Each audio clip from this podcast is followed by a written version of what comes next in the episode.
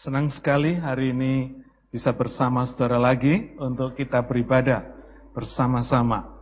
Khususnya di dalam kita menyambut Natal tahun 2018 ini. Saudara, hari ini saya akan bicara tentang di dalam Yesus ada kepastian. Ya. Tahukah saudara bahwa bisnis asuransi itu ternyata sudah ada sejak dahulu kala. Ya. Ternyata bisnis ini, kalau saya pelajari dari sejarahnya, sudah ada 3000 tahun sebelum masehi. Bayangin saudara ya.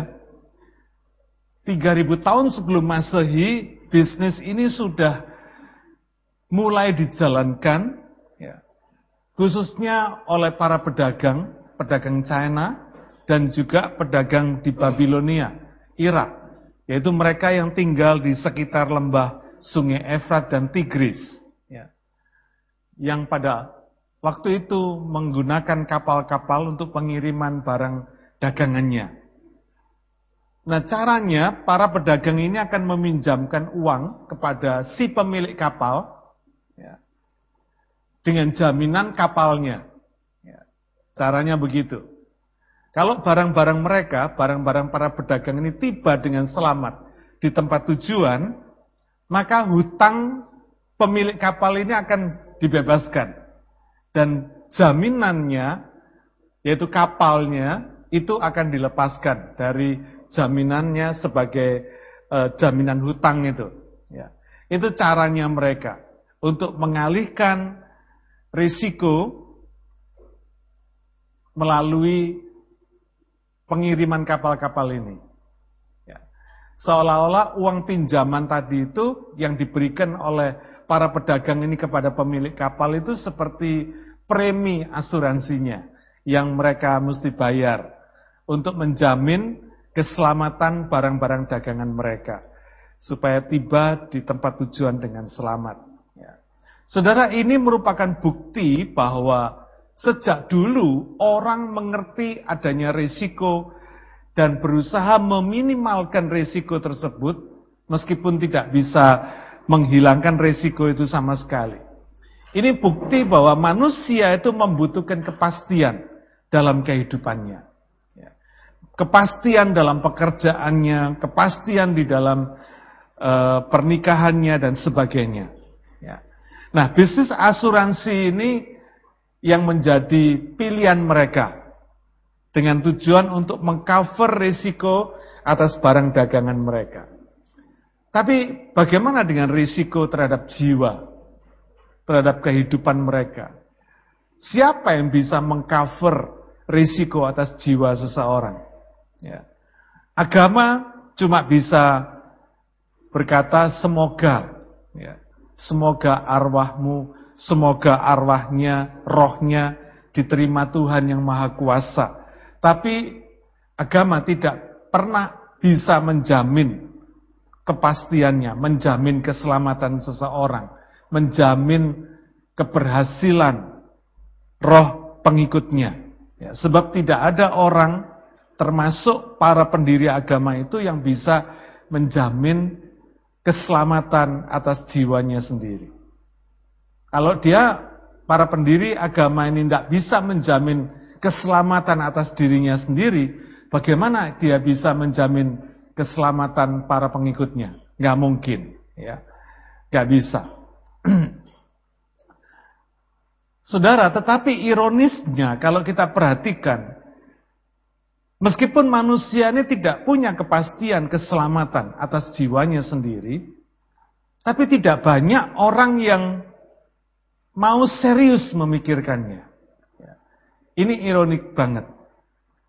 Bahkan banyak orang yang mengaku Kristen sekalipun, yang mengatakan percaya Yesus sekalipun, tidak banyak yang serius mengikut Yesus dan serius melayani dia. Tidak banyak. Ya. Ternyata dari survei yang diadakan oleh Barna Institute, itu cuma kira-kira 10% dari orang Kristen di dunia ini yang betul-betul secara serius mengikut Tuhan. Atau yang sering dikatakan sebagai orang Kristen yang lahir baru. Orang Kristen yang sungguh-sungguh mengasihi dan melayani Tuhan. Ya. Banyak orang Kristen yang menganggap bahwa percaya Yesus dan melayani Tuhan itu suka-sukanya. Enggak. Ya. Percaya Yesus dan melayani Tuhan itu bukan suka-suka kita, saudara. Bukan semau gue. Tetapi satu anugerah Allah, satu kehormatan yang diberikan kepada kita, sebagai bukti atas kepastian keselamatan atas jiwa roh kita. Yesus Allah yang menjadi manusia itu lahir di malam Natal 2000 tahun yang lalu. Kelahiran Yesus adalah kepastian keselamatan bagi orang percaya. Bagaimana kita bisa tahu bahwa ada kepastian keselamatan dan ada kepastian hidup di dalam Yesus? Mari kita baca Roma 8 ayat 32. Roma 8 ayat 32. Ia yang tidak menyayangkan anaknya sendiri, tetapi yang menyerahkannya bagi kita semua. Bagaimanakah mungkin ia tidak mengaruniakan segala sesuatu kepada kita bersama-sama dengan dia? Saudara, yang pertama kita bisa melihat bahwa Allah tidak menyayangkan anaknya sendiri. Saudara ini bicara tentang hati Bapak di sorga. Bicara tentang cintanya, bicara tentang sayangnya Bapak di sorga kepada orang berdosa. Seolah-olah ayat ini berkata cintanya Bapak di sorga itu melebihi cintanya kepada Yesus. Coba perhatikan saudara. Ia yang tidak menyayangkan anaknya sendiri. Berarti siapa yang disayang? Orang berdosa. Bapak di sorga sayang kepada orang berdosa melebihi cintanya kepada Yesus, anaknya sendiri. Ya. Saya percaya setiap orang, setiap hamba Tuhan yang sungguh-sungguh melayani Tuhan, pasti pernah atau sedang dan akan mungkin mengalami tekanan dari keluarganya sendiri. Bukan dari orang luar, tapi dari keluarganya sendiri. Yang menganggap bahwa mereka lebih menyayangi orang lain daripada keluarganya sendiri. Siapa yang pernah mengalami seperti ini? Keluarga yang menganggap kita yang melayani Tuhan itu lebih sayang kepada orang lain, lebih mementingkan orang lain daripada keluarganya sendiri. Thank you. Turun ke tangan. Saya percaya orang yang sungguh-sungguh melayani Tuhan itu memiliki satu satu intuisi untuk mengasihi orang sampai keluarga sendiri pun merasa terabaikan, merasa terabaikan. Padahal sebetulnya saya percaya tidak seperti itu. Ya. Tapi sering kali orang yang sungguh-sungguh melayani Tuhan ini memberikan kasihnya kepada orang lain. Yang seolah-olah membuat keluarganya sendiri, orang-orang terdekatnya sendiri jealous, iri hati dan merasakan bahwa seolah-olah mereka mengasihi orang lain, mementingkan orang lain lebih daripada keluarganya sendiri.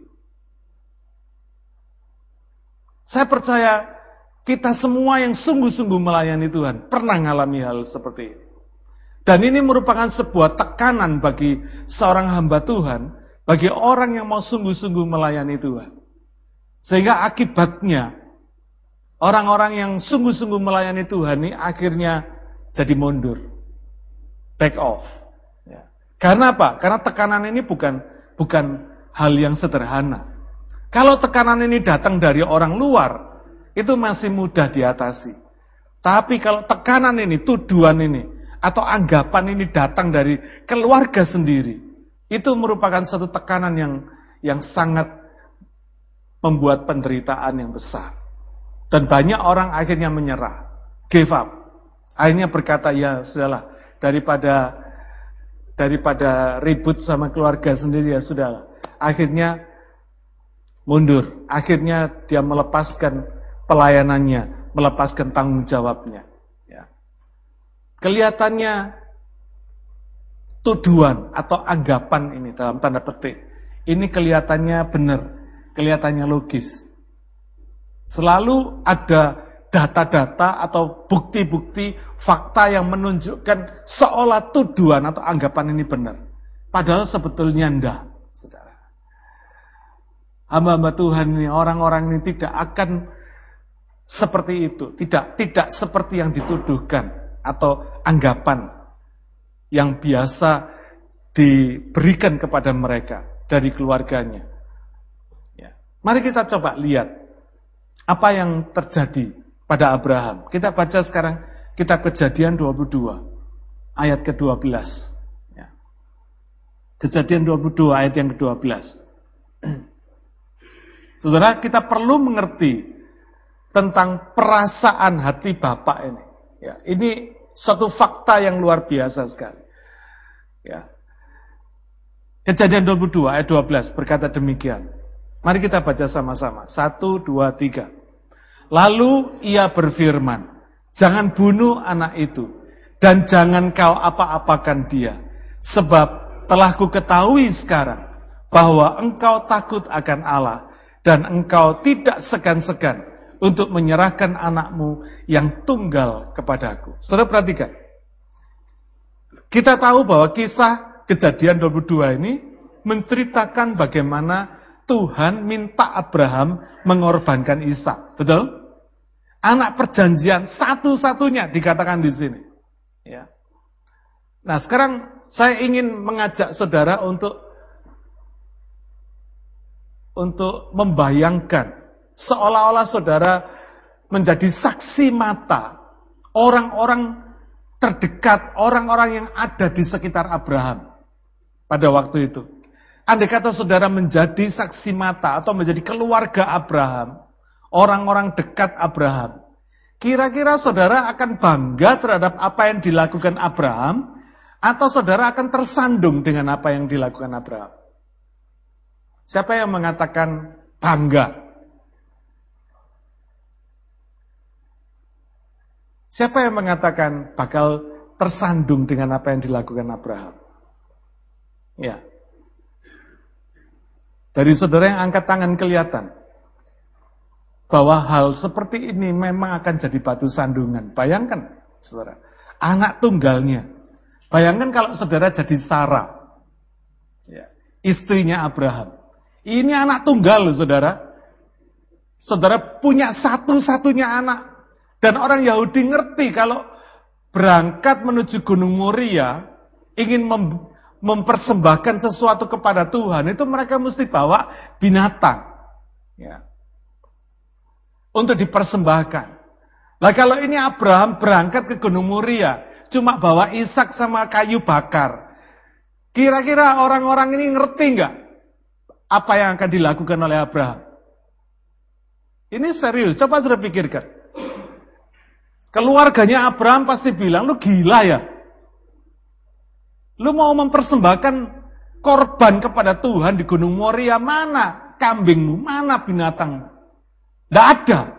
Dan mereka tahu culture mereka sudah ngerti bahwa yang akan dikorbankan itu Ishak. Wow, ini bukan hal sepele loh saudara. Saudara mungkin sudah baca kisah ini berulang-ulang. Tapi pagi hari ini saya ingin mengajak saudara merenungkan. Menjiwai kisah ini. Seolah-olah kita menghidupi kisah ini. Ya. Kita belajar mengerti firman itu dengan cara menghidupi firman. Bukan cuma sekedar pengetahuan, masuk kiri keluar kanan. Enggak. Tapi saya ingin saudara belajar untuk menghidupi firman. Untuk seolah-olah saudara hidup di dalam firman. Hidup di dalam situasi itu. Ya. Saudara, kira-kira tekanan yang dihadapi Abraham pada waktu itu gimana?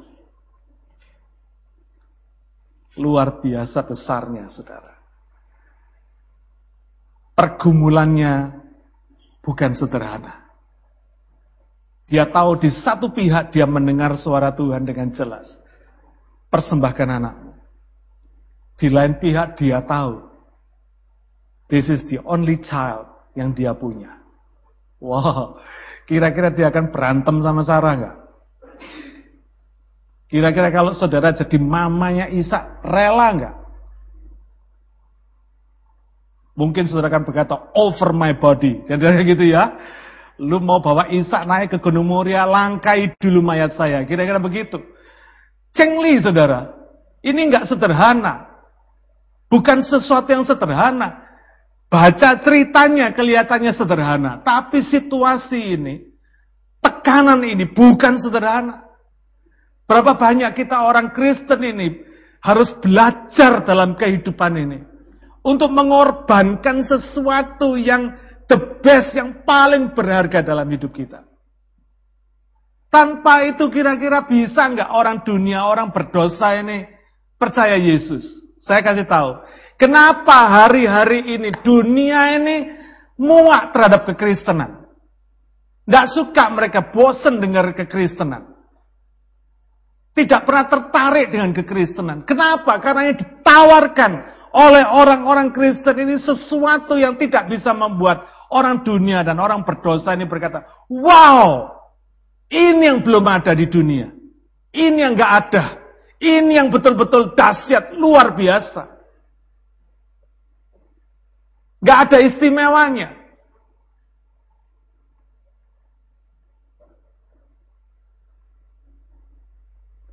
Kalau orang Kristen tidak bisa melakukan sesuatu yang lebih daripada apa yang dilakukan oleh orang dunia. Saya mau katakan pada saudara, tidak ada istimewanya. Orang berdosa, orang dunia tidak bakal tertarik dengan kesaksian saudara. Ya. Mari kita refleksi diri kita sendiri. Orang Kristen macam apa kita ini? Apa yang dilakukan Abraham ini adalah cermin hati Bapak di sorga. Roma 8 ayat 32 mengungkapkan hatinya Bapak di sorga, hati Bapak. Dia berkata, iya, tidak menyayangkan anaknya sendiri. Bayangin saudara. Itu sebabnya apa yang dilakukan Yesus di dunia ini begitu mempesona. Orang dunia berkata, tidak ada yang seperti ini. Kalau cintanya saudara kepada orang lain, tidak melebihi cintanya orang dunia kepada sesamanya. Tidak ada yang menarik dalam kehidupan kita.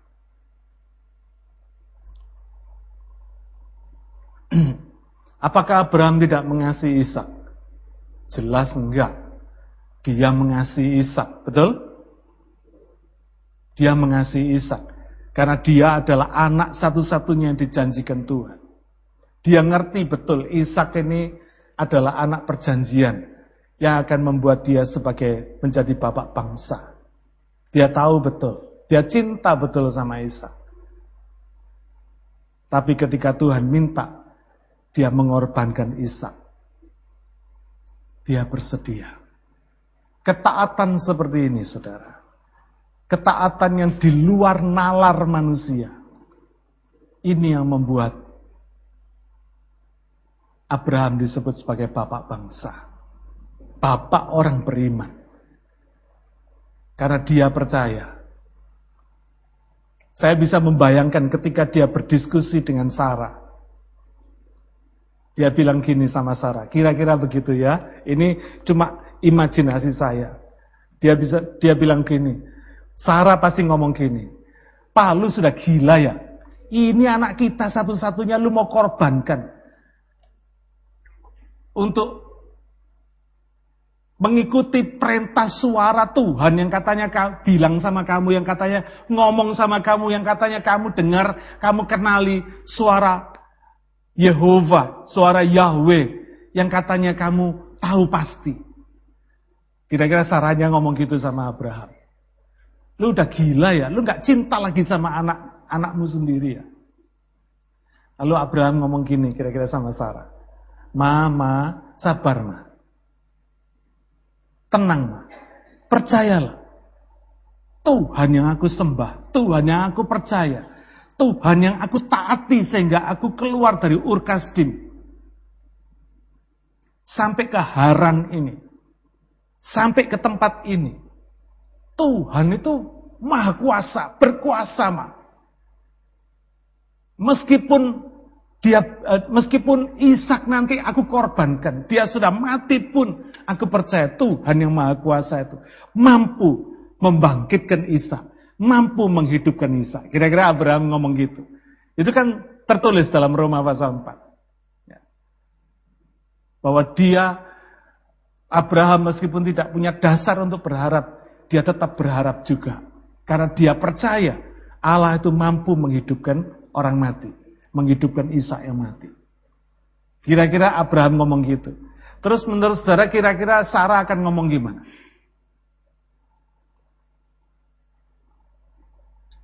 Kira-kira Sarah berkata, oh gitu ya Pak. Oke, oke, oke. Let's do it. Kira-kira gitu enggak? Kira-kira kalau saudara jadi Sarah, saudara akan ngomong apa? Over my body. Lu udah gila lu. Saudara, kalau saudara nggak sampai dianggap gila sama orang dunia, artinya hidup saudara belum powerful. Amin. Orang dunia ini akan melihat kita memang orang Kristen yang memang rata gini gitu ya. Itu baru normal, saudara. Kalau cinta kita, kalau pengorbanan kita, kalau komitmen kita, kalau pelayanan kita, tidak bisa lebih daripada komitmen mereka, pelayanan mereka, dan apa yang mereka lakukan. Tidak bakal orang dunia ini tertarik untuk percaya Yesus. Biar saudara bicara, ngoceh dari pagi sampai pagi lagi, tidak bakal mereka mau percaya Yesus.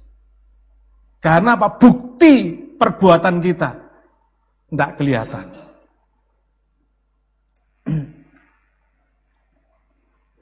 Ini cermin dari hati Bapak di sorga.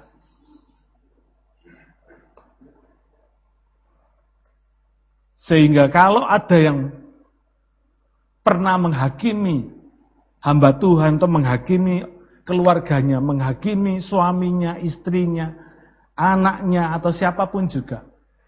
Yang menganggap mereka ini lebih mengasihi orang luar, orang lain, lebih daripada keluarganya sendiri. Saya mau kasih tahu saudara pagi ini, bertobatlah. Saudara sudah keliru besar. Ya. Tidak ada orang yang mengasihi orang lain lebih daripada keluarganya sendiri. Tidak ada. Cuma anggapan kita saja yang seperti itu, padahal enggak. Tetapi ketika orang-orang ini sungguh-sungguh melayani Tuhan, sungguh-sungguh mau mengikut Tuhan, Tuhan yang gerakkan, Tuhan yang berikan hatinya kepada mereka untuk seolah-olah sepertinya mengasihi orang orang luar, orang lain, seolah-olah lebih mementingkan, lebih memperhatikan orang lain lebih daripada keluarganya sendiri. Padahal sebetulnya tidak seperti itu. Kita yang ngejudge mereka seperti itu. Karena itu bertobatlah. Karena orang-orang ini yang mengasihi Tuhan seperti ini. Betul-betul menyatakan kasih Bapak kepada dunia ini. Supaya apa? Mereka bisa diselamatkan. Ini tujuannya. Saudara. Ini tujuannya. Kalau semua orang Kristen mengikuti pikiran yang dianggap benar dan logis tadi itu. Sekali lagi saya katakan, tidak ada yang menarik dalam kekristenan ini. Cerita tentang Yesus pun tidak akan menarik bagi mereka.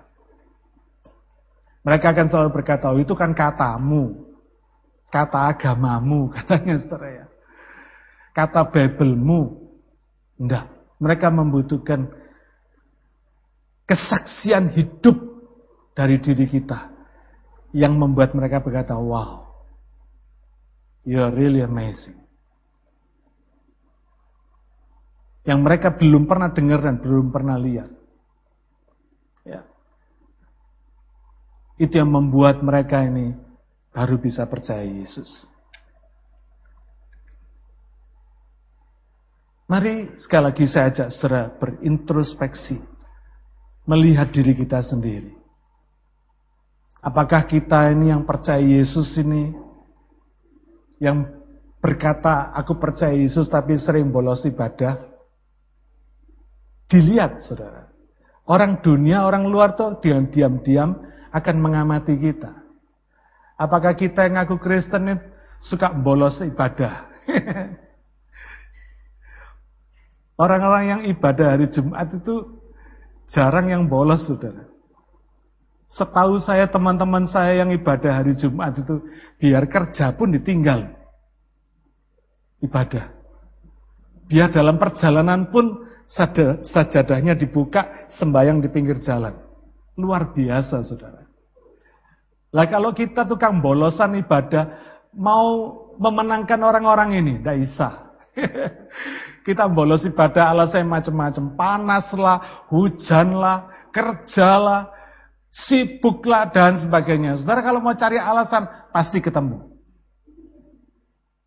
Ya.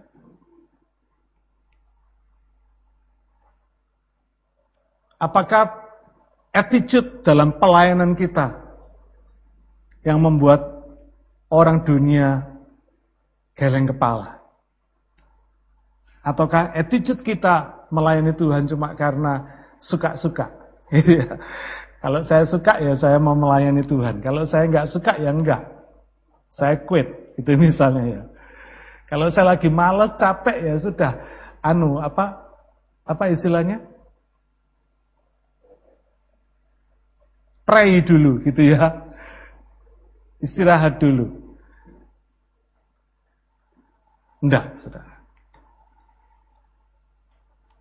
Kita mesti betul-betul memikirkan Apakah hidup kita ini jadi batu sandungan atau jadi berkat? Itu serius. Bukan hal yang sederhana. Matius 16 ayat 23 mengatakan, Maka Yesus berpaling dan berkata kepada Petrus, Enyahlah iblis, engkau suatu batu sandungan bagiku, batu sandungan bagi Allah. Sebab engkau bukan memikirkan apa yang dipikirkan Allah, melainkan apa yang dipikirkan manusia. Saudara ingat, jadi batu sandungan itu bisa bukan cuma batu sandungan bagi orang lain, tapi bisa jadi batu sandungan bagi Tuhan. Kenapa? Karena Tuhan tuh lihat hati kita. Orang lain nggak bisa baca hati kita, tapi Dia Tuhan tuh bisa. Karena itu ketika Petrus berusaha mencegah Yesus untuk ke Yerusalem, untuk dia menderita di sana, untuk melakukan ketaatan terhadap Bapak di sorga. Yesus berkata kepada Petrus, enyahlah kau iblis. Engkau cuma memikirkan apa yang dipikirkan oleh manusia, bukan apa yang dipikirkan oleh Allah. Saudara, jangan sampai kita ini dihardik Tuhan karena jadi batu sandungan. Amin. Biarlah melalui hal yang paling kecil sekalipun di dalam kehidupan kita, apa yang kita bisa lakukan, kita lakukan dengan sungguh-sungguh. Kita betul-betul mengasihi Tuhan, betul-betul melayani Tuhan dengan segenap hati kita. Tidak ada yang tahu, yang tahu Tuhan. Kadang apa yang kita lakukan dengan diam-diam itu pun juga tidak ada orang yang menghargai. Tapi saya percaya dihargai oleh Tuhan. Amin. Jadi yang pertama, apa yang kita bisa pelajari? Allah menyayangkan, mengasihi orang berdosa. Seolah lebih daripada dia menyayangi Yesus. Yang kedua, Allah menyerahkan Yesus bagi kita semua. Ayat 32 ini mengatakan, tetapi yang menyerahkannya bagi kita semua, bagaimana mungkin ia tidak mengaruniakan segala sesuatu kepada kita bersama-sama dengan dia. Ini bicara kalau tadi yang pertama bicara tentang hati Bapak, yang kedua ini bicara tentang apa yang diberikan Bapak kepada kita. Apa yang diberikan Allah, yaitu Yesus. Saudara perhatikan ini. Ya. Anaknya Yesus sudah diberikan kepada kita. Artinya dia sudah all out. Dia memberikan tanpa reserve. Kita sering kali kalau memberikan pakai reserve. ya. Kemarin minggu yang lalu saya katakan kita sering kali memberi itu apa yang kita nggak suka kita kasih gitu ya. Bapak ini memberi dengan tanpa reserva, all out, anaknya sendiri dikasih, saudara. Ya. Ini bicara tentang apa yang dia sudah berikan, apa yang dia sudah lakukan. Ya. Bagaimana mungkin ayat ini berkata, bagaimana mungkin ia tidak menganugerahkan tidak memberikan segala sesuatu bersama-sama dengan dia. Nah ini, ini yang sering kali dilupakan. Ya. Bahwa kepastian untuk menerima sesuatu dari Tuhan itu, kepastian dalam hidup ini ada asal bersama Yesus. Ini yang sering kali di, dilupakan, saudara. Kalau Yesus sudah diberikan kepada kita, maka segala sesuatu pasti diberikan kepada kita. Asal bersama-sama dengan dia, bersama-sama dengan Yesus. Artinya bersama dengan firman. Melakukan firman. Ketika saudara melakukan firman, ketika saudara bersama dengan firman, apa yang saudara minta, apa yang saudara doakan, Pasti saudara terima. Ini kuncinya. Banyak orang minta tapi dia tidak melakukan yang terakhir. Asal bersama-sama dengan dia. Ini yang sering kali diabaikan. Mintanya ditonjolkan, doanya ditonjolkan, tapi bersama-sama dengan dianya, bersama-sama dengan Yesusnya, ini diabaikan. Nah ini saudara. Ini yang sering kali membuat doa kita, permintaan kita, biar kita nungging sampai sampai capek pun kita nggak bakal terima. Makanya saya selalu berkata, Tuhan itu selalu membuat perbedaan terhadap orang yang melakukan firman dengan orang yang tidak melakukan firman. Sama-sama pinter firman. Tetapi ketika kita melakukan firman, wah saudara, Tuhan itu bikin perbedaan. Selalu bikin kemudahan. Itu saya ngeliat benar. 41 tahun saya melayani Tuhan. Bukan 4 tahun, 41 tahun saya melayani Tuhan. Saya ngeliat orang-orang yang sungguh-sungguh melayani Tuhan. Diberkati Tuhan. Dibukakan jalan, diberi kemudahan demi kemudahan. Dengan luar biasa. Kalau sakit Tuhan sembuhkan. Punya persoalan ditolong Tuhan. Begitu mudahnya mengalami mujizat dalam hidupnya. Karena apa? Dia menghidupi firman. Karena dia hidup bersama dengan Yesus. Dia bukan cuma sekedar uh, apa mem, memperlakukan firman cuma sebatas pengetahuan. Tetapi betul-betul ditaati, betul-betul dilakukan.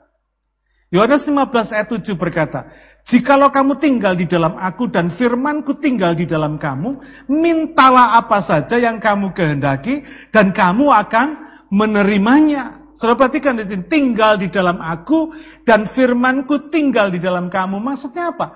Ketika kita ini melakukan firman, tahu sedikit, lakukan sedikit, tahu banyak, lakukan banyak, kira-kira begitu. Ini yang membuat mintalah apa saja yang kamu kehendaki dan kamu akan menerimanya. Jadi saudara nggak bisa iri sama orang yang melakukan firman ini. Seolah-olah mudah banget. Gitu ya. Mudah banget. Tuhan tuh membuka kemudahan demi kemudahan itu kepada orang-orang ini kayak seolah-olah Tuhan tuh punya anak emas gitu ya. Seringkali kita nganggap Tuhan, wow ini anak emasnya Tuhan ini. Enak aja ini. Saya sudah setengah mati kayak gini nggak terima-terima apa yang saya doakan, dia cuma baru doa baru satu jam udah terima, kira-kira begitu. Baru doa dua hari udah terima. Setelah kadang-kadang kita jealous sama orang-orang seperti ini, nggak bisa, karena orang-orang ini melakukan firman. Nah kita ini dalam hidup ini kita sering kali tahu firman, tapi nggak melakukan firman, nggak menghidupi firman. Ini yang membuat macet semuanya. Janjinya sama, ada semua. Tapi karena kita tidak melakukan firman, sudah perlu ketahui, Tuhan tuh lihat hati kita, tidak lihat performance kita. Ya. Kadang kita gagal di dalam hal ini. Performance kita kelihatannya badan kita melayani Tuhan. Penampilan kita, performance kita melayani Tuhan. Tapi Tuhan itu bisa melihat apakah hati kita menjauh daripada Tuhan. Oh, ketahuan saudara. Benar loh. Ya. Benar. Apakah kita minta atau berdoa dengan iman atau dengan tidak percaya, dengan bimbang. Tuhan itu tahu, saudara. Berapa banyak orang Kristen berdoa minta sama Tuhan tapi dengan tidak percaya. Dengan bimbang. Tuhan mau kasih enggak sih? Tuhan saya sudah minta loh, tapi engkau mau kasih enggak sih? Kita sering kali ragu, saudara. Yakobus 1 ayat 6 mengatakan, hendaklah ia memintanya dalam iman. Dan sama sekali jangan bimbang. Sebab orang yang bimbang sama dengan gelombang laut yang diombang-ambingkan kian kemari oleh angin. Orang yang demikian, janganlah mengira bahwa ia akan menerima sesuatu dari Tuhan. Saudara bimbang itu artinya nggak percaya.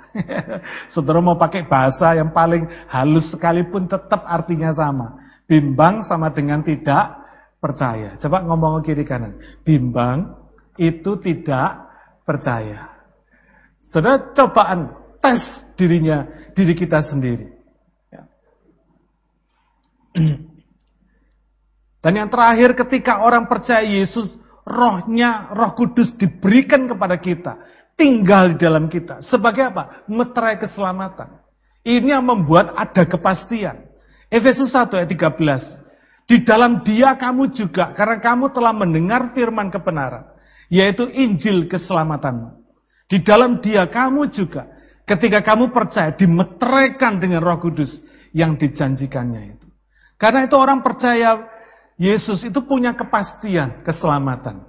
Bukan semoga. Tidak ada. Kekristenan itu bukan semoga. Kekristenan itu nggak bias. Ya, nggak abu-abu. Tetapi ada kepastian. Kenapa? Karena Roh Kudus itu bersaksi, mengkonfirmasi status kita sebagai anak-anak Allah. Ya. Roma 8 ayat 16 berkata, Roh itu bersaksi bersama-sama dengan roh kita bahwa kita adalah anak-anak Allah. Roh Kudus yang mengkonfirm, ngerti orang yang diselamatkan itu ngerti, saudara, bahwa dirinya diselamatkan. Siapa di sini yang mengerti bahwa dirinya sudah diselamatkan. Puji Tuhan, puji Tuhan. Siapa yang nggak tahu Pak? Rasanya ya sudah selamat rasanya, tapi nggak tahu lagi. Walahu alam, kira-kira gitu ya. Terserah Tuhan Pak, terserah Bapak di sorga.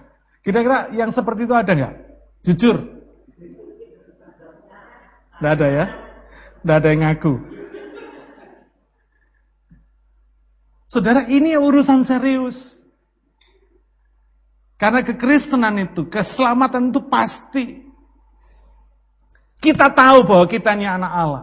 Orang yang sudah diselamatkan. Kita ini anak-anak Allah yang sudah dimeteraikan oleh roh kudus. Orang-orang yang bisa mendengar suara Tuhan. Berapa banyak orang Kristen tanya, Ya apa sih? Dengar suara Tuhan itu apa sih? Kamu dengar suara Tuhan itu Tuhan itu ngomong di sini atau di sini atau di sini.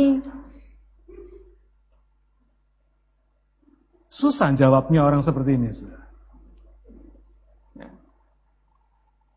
Karena orang yang sudah diselamatkan itu merasakan kehadiran Roh Kudus di dalam hatinya. Berkomunikasi dengan Roh Kudus, berbicara kepadanya. Ini bukan satu yang sok, tapi satu kesadaran intrinsik ilahi di dalam hati orang percaya yang sudah diselamatkan. Rohnya menjadi sensitif terhadap dosa dan terhadap suara Tuhan. Langsung bisa mengenali suara daging kita atau suaranya setan atau suaranya Tuhan. Ngerti langsung. Tidak usah jelimet-jelimet sudah langsung tahu, sudah, sudah langsung mengetahui. Suara setan itu mendorong kita untuk berdo berdosa, untuk berjudi, untuk main drug, untuk berzina, dan lain-lain. Selalu suara itu berkata begini, ah nggak apa-apa, kan semua orang juga melakukan yang sama. Semua orang juga begitu. Enggak apa-apa, jadi kamu enggak usah ragu-ragu. Biasa itu. Setan selalu bikin dosa jadi biasa. Padahal dosa itu luar biasa, saudara. Ya, saya nggak mau menghaluskan sesuatu yang memang harus dikatakan sejujurnya. Saya mau minta saudara lihat sebentar video ini. Saya sudah siapkan video ini, saudara perhatikan di sini. Supaya ngerti apa yang tadi saya katakan. Ya, ini yang terakhir.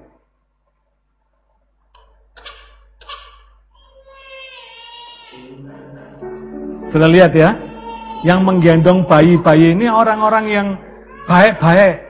Yang wajahnya semuanya tidak menakutkan. Yang friendly semua. Coba lihat. Tapi si baby ini nangis terus. Ini wanita yang lembut.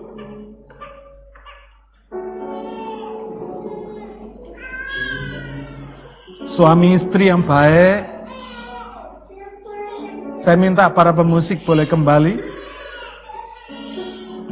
Perhatikan ini. Nangis terus dia nggak berhenti berhenti. Ini sebuah percobaan. Nah sekarang perhatikan orang yang baju hitam ini.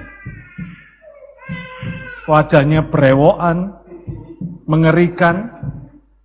Tapi si baby ini langsung diem. Menyeramkan ya. Lihat coba wajahnya si baby ini ngelihat orang baju hitam ini coba perhatikan.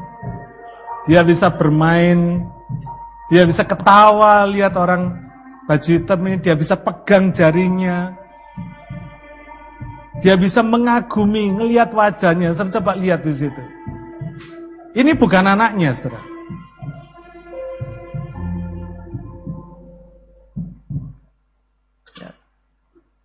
Ya, thank you.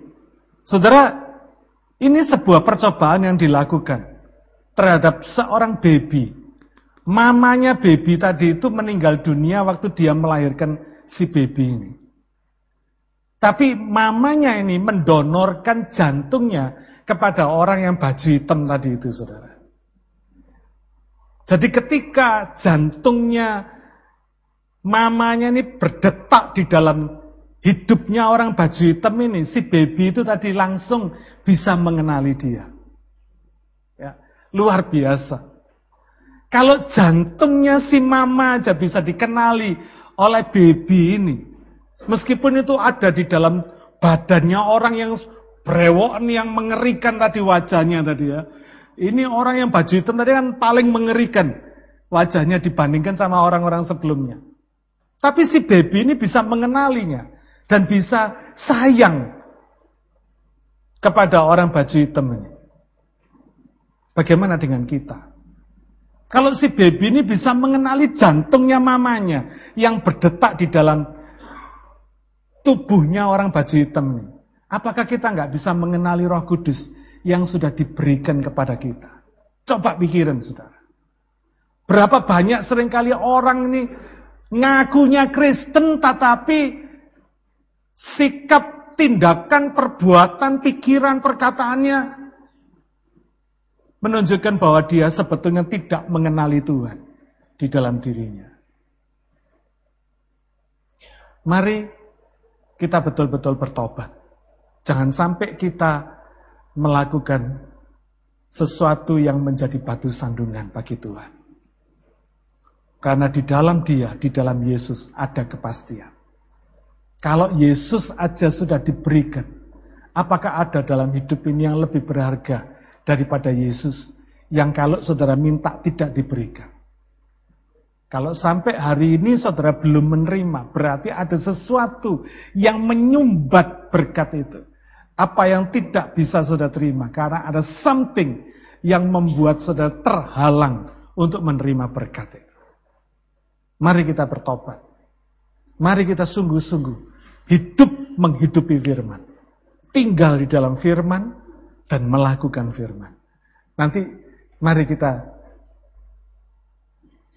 lihat perbedaannya. Dan kita akan betul-betul menikmati Tuhan. Amin. Mari kita berdoa. Bapa kami bersyukur karena kasih setiamu dalam hidup kami semua. Terima kasih karena kau sudah memberikan Yesus dalam hidup kami. Sehingga hidup kami punya kepastian. Terima kasih ya Bapak. Kami mau percaya dan percayakan hidup kami kepadamu. Sebab kami tahu di dalam engkau.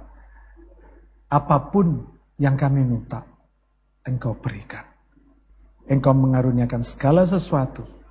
Karena engkau sudah memberikan Yesus sebagai jaminan dalam kehidupan kami. Meteraikan firman-Mu Bapa. Di dalam nama Tuhan Yesus kami berdoa. Amin. Tuhan memberkati saudara.